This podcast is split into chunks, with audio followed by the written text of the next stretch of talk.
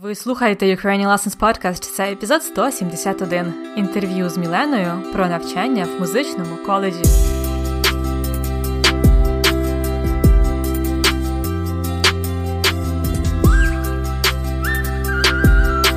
Привіт-привіт! Це Анна Огойко і ваш новий урок української.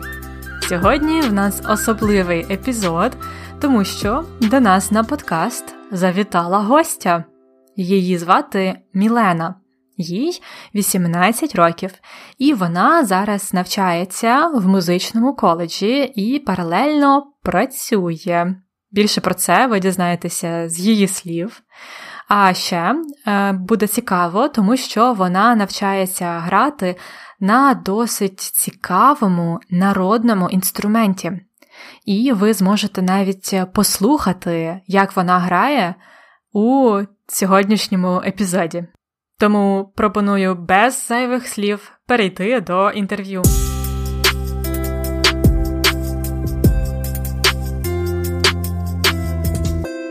Привіт, Мілено, як справи? Привіт, все гаразд. Добре. Хочу представити вам Мілену. Мілена зараз працює з Ukrainian Lessons як контент-менеджерка. Так, так. Тобто, так. Вона виставляє на Facebook, на Instagram, у Twitter також. На Twitter. Ага, так. усі публікації, які ви бачите, це наші статті, епізоди подкасту, відео. Як тобі, Мілено, працюється в Ukrainian Lessons? Мені дуже подобається наша співпраця, і я загалом дуже задоволена. Це добре. А також ти паралельно навчаєшся, правда? Так, я зараз навчаюся у коледжі, у музичному коледжі, тобто я навчаюся на музиканта. Угу. Поясни трішки, яка різниця між коледжем і університетом? Це хороше питання, тому що насправді це е, відрізняється від того, як побудована система освіти в інших країнах.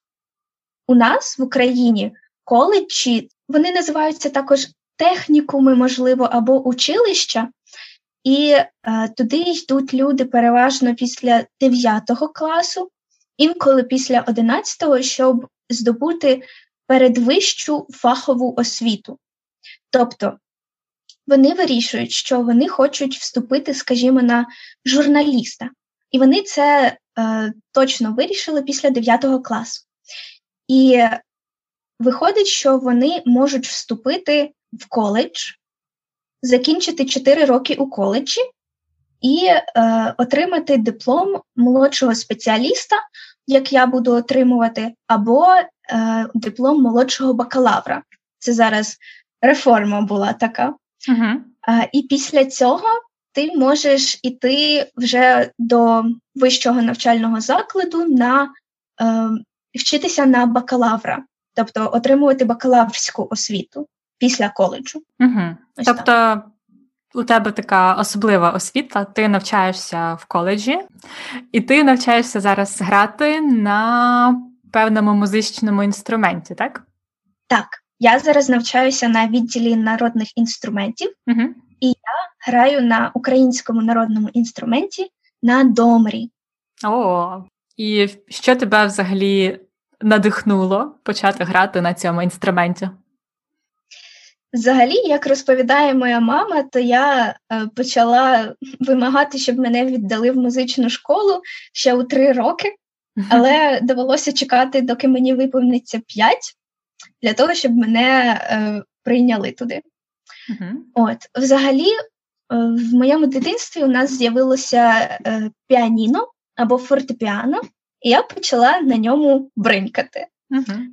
А ще у нас вдома була домра, тому що моя мама закінчила музичну школу за класом домри.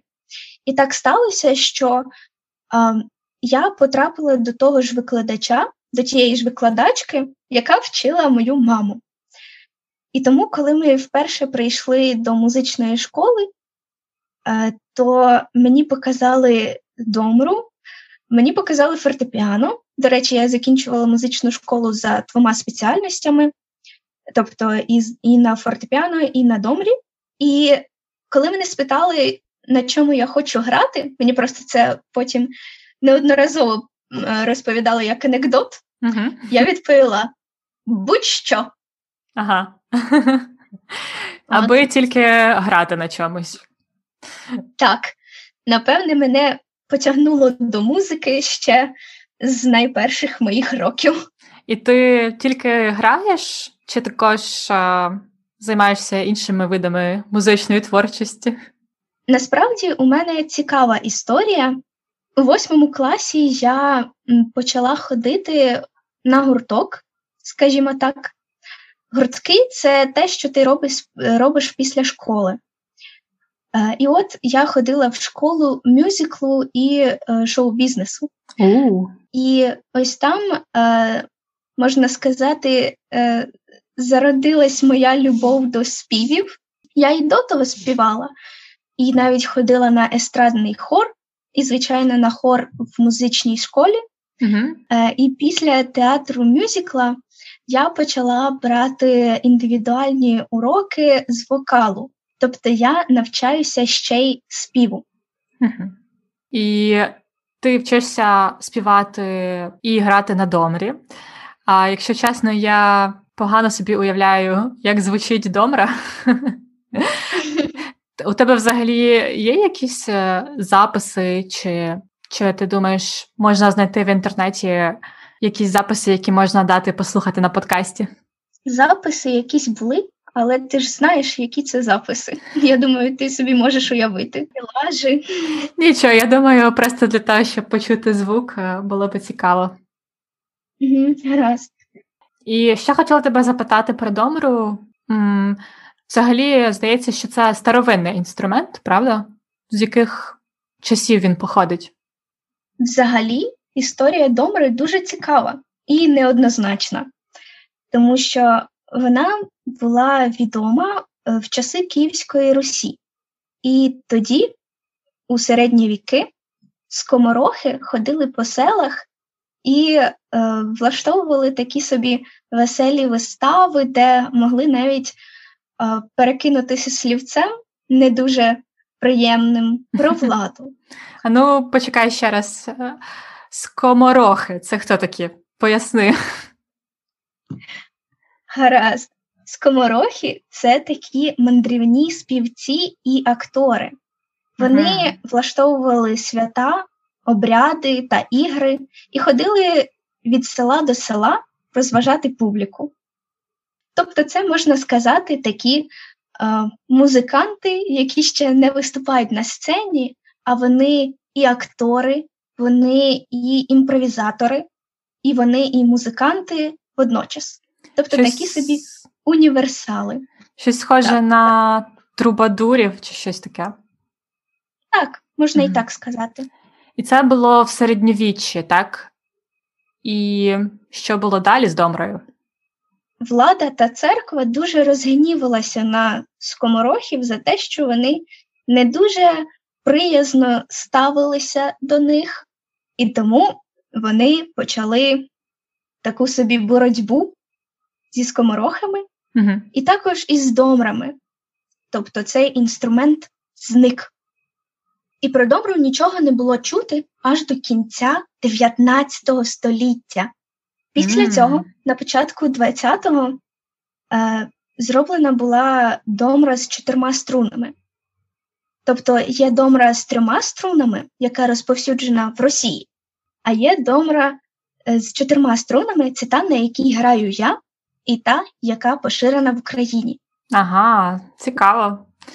Тому є, можна сказати, дві версії домри. Так, одна більш як російський інструмент, і інша український інструмент. Можна ще також провести паралель, що е, чотирихструнна домра більше схожа на скрипку, е, тому що у неї стрій такий самий, як у скрипки. Угу. Цікаво. Я думаю, всім уже цікаво послухати, як же ж звучить домра і що це таке. Тому дякую тобі, Мілено, за невеличку розмову.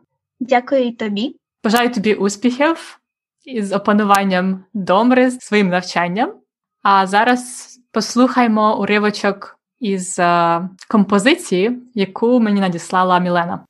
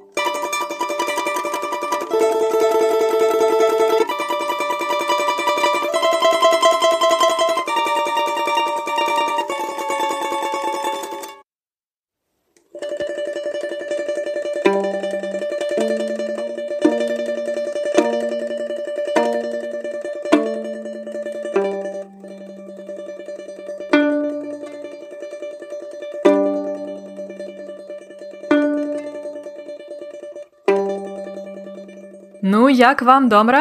Ось такий цікавий інструмент, на якому грає наша контент-менеджерка Мілена. Справді дивовижно те, що ось цю композицію, яку ви послухали, Мілена написала сама, і вона також зіграла її спеціально для вас, любі слухачі подкасту. Тому сподіваюся, вам сподобалося. Ви можете написати коментар про свої враження будь-де у наших соцмережах, в групі на Фейсбуці або на сторінці на Фейсбуці чи в Інстаграмі.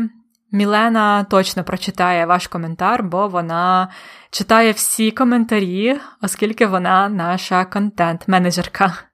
А зараз, як завжди, рубрика корисних речень з інтерв'ю.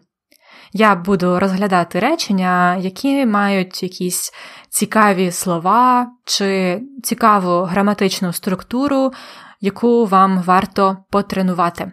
Також заохочую вас повторювати повні речення вголос, щоб е, попрактикувати свою вимову. Отже, перше речення було з мого вступу. Я сказала: пропоную без зайвих слів перейти до інтерв'ю без зайвих слів. Це фразеологізм, який ми вживаємо, коли не хочемо довго про щось розповідати, робити довгий вступ, а відразу переходити до теми, до справи. Можливо, ви здогадалися, що англійською це буде without further ado, без зайвих слів. А тепер повне речення. Пропоную без зайвих слів перейти до інтерв'ю. Друге речення з початку інтерв'ю. Я сказала Хочу представити вам Мілену. Ось так ми знайомимо когось з кимось. Ми кажемо Хочу представити вам або тобі Олену, Мілену, Сергія чи Анну Огойко. Це все знахідний відмінок. Також синонім до слова представити це слово відрекомендувати. Тобто, хочу вам представити або хочу вам відрекомендувати, плюс ім'я в знахідному відмінку. Так, розумію, що слово відрекомендувати звучить трошки довго, і також слово відрекомендувати, як на мене, більш офіційне, а представити підійде для будь-якого випадку. Повторіть ще раз. Хочу представити вам Мілену. Речення номер 3 це питання. Як тобі, Мілено, працюється в Ukrainian Lessons? Працюється це зворотнє дієслово, як, наприклад, робиться, живеться, відпочивається. Тся читаємо ця. У цьому випадку ми використовуємо такі дієслова, щоб сказати, нібито як у нас взагалі справи у певній сфері. Наприклад, ми можемо спитати, як тобі живеться у Швеції? Так само можна сказати, як життя у Швеції? Так от я спитала, як тобі, Мілено, працюється в Ukrainian Lessons? Тут я використала кличний відмінок Мілено. Імена дівчат в кличному відмінку дуже легко утворювати, бо якщо слово закінчується на А, а жіночі імена дуже часто закінчуються саме на А, то в кличному відмінку міняємо на О. Тобто Анна Анно в кличному, Тетяно, Миколо. Микола це чоловіче ім'я, але воно також закінчується на А. Тому маємо Миколо. А в інших чоловічих іменах можливі різні варіанти. Це може бути Сергію або Вікторе, Остапе. У нас вже був епізод про кличний відмінок е, в другому сезоні подкасту, тому, якщо вам цікава ця тема, можете послухати його ще раз або перший раз. Це епізод номер 69 ukrainianlessons.com риска епізод 69. А зараз повторіть ще раз питання. Як тобі, Мілено, працюється в Ukrainian Lessons? Наступне четверте речення також питання. А також ти паралельно навчаєшся, правда? Робити щось паралельно. Це коли ви займаєтесь двома діяльностями, двома справами водночас. Наприклад, бігати і паралельно слухати подкаст Ukrainian Lessons, так?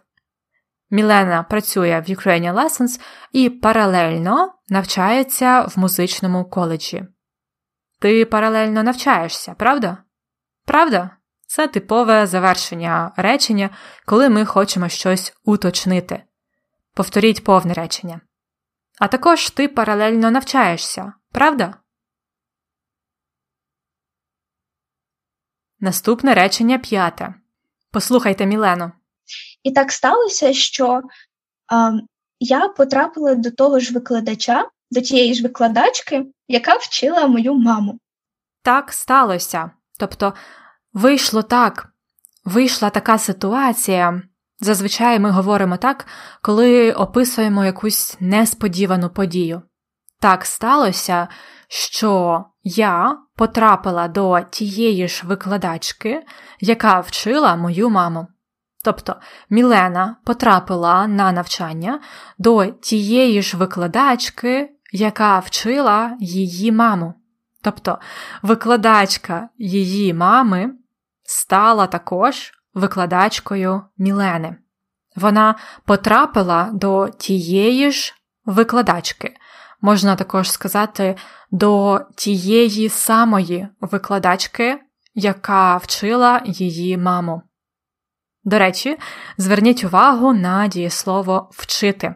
Воно може означати вивчати, наприклад, вчити українську мову, вивчати українську мову це те саме. Ви вчите українську мову, так? Але також може означати викладати, викладати щось комусь, вчити когось це те саме. Наприклад, я вчу вас української мови а ви вчите українську мову. Так, це трошки дивно, але в деяких мовах така сама ситуація з дієсловом вчити. Наприклад, у шведській мові, яку я зараз якраз вчу. Отже, повторіть. І так сталося, що я потрапила до тієї ж викладачки, яка вчила мою маму. Наступне речення 6. Мені просто це потім неодноразово розповідали як анекдот? Мілені це, тобто про цю історію, неодноразово. Це прислівник, який означає не один раз, тобто часто. Цю історію їй неодноразово розповідали як анекдот. Анекдот це якась весела історія або жарт. Повторіть повне речення. Мені просто це потім неодноразово розповідали як анекдот.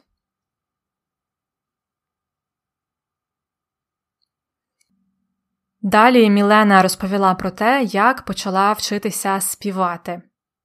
У восьмому класі я почала ходити на гурток. У восьмому класі вона почала ходити на гурток. І Мілена пояснила, що таке гурток.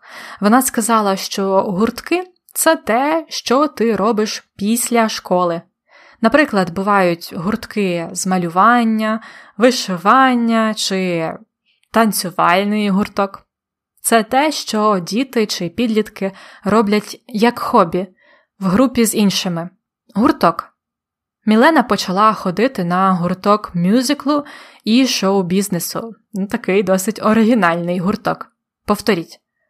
У восьмому класі я почала ходити на гурток. Наступне речення про історію Домри. І про добру нічого не було чути аж до кінця 19 століття. Про домру нічого не було чути. Це знамените українське подвійне заперечення. Тобто про домру ніхто нічого не говорив. На домрі не грали, про неї не було нічого чути аж до кінця 19 століття. Ми використовуємо ось це коротеньке слово аж, аж, щоб наголосити на тому, як довго щось тривало або не відбувалося. Наприклад, в нашого подкасту є вже аж 171 епізод. Це багатенько. Повторіть повне речення. І про домру нічого не було чути аж до кінця 19 століття. Далі, коли Мілена порівнювала типи домр, вона сказала Можна ще також провести паралель, що е... Мілена провела паралель зі скрипкою. Чотириструнна домра, тобто українська домра, більше схожа на скрипку. Провести паралель. Це означає порівняти щось з чимось. Повторіть її речення. Можна ще також провести паралель. І останнє речення я сказала перед тим, як ми слухали музику. Добро. Я сказала Послухаймо уривочок з композиції. Послухаймо це наказовий спосіб від послухати для форми ми. Тобто ми будемо разом слухати. Послухаймо. Послухаймо уривочок з композиції. По-перше, композиція це музичний твір. Композиція. А уривок, або, як я сказала, уривочок, маленький уривок, це якась частина. Може бути уривок твору, або літературного твору чи музичного твору. Це частина. Уривок. Повторіть. Послухаймо уривочок з композиції. На сьогодні все. Ось тепер і ви, і я знаємо, що таке домра і як вона звучить.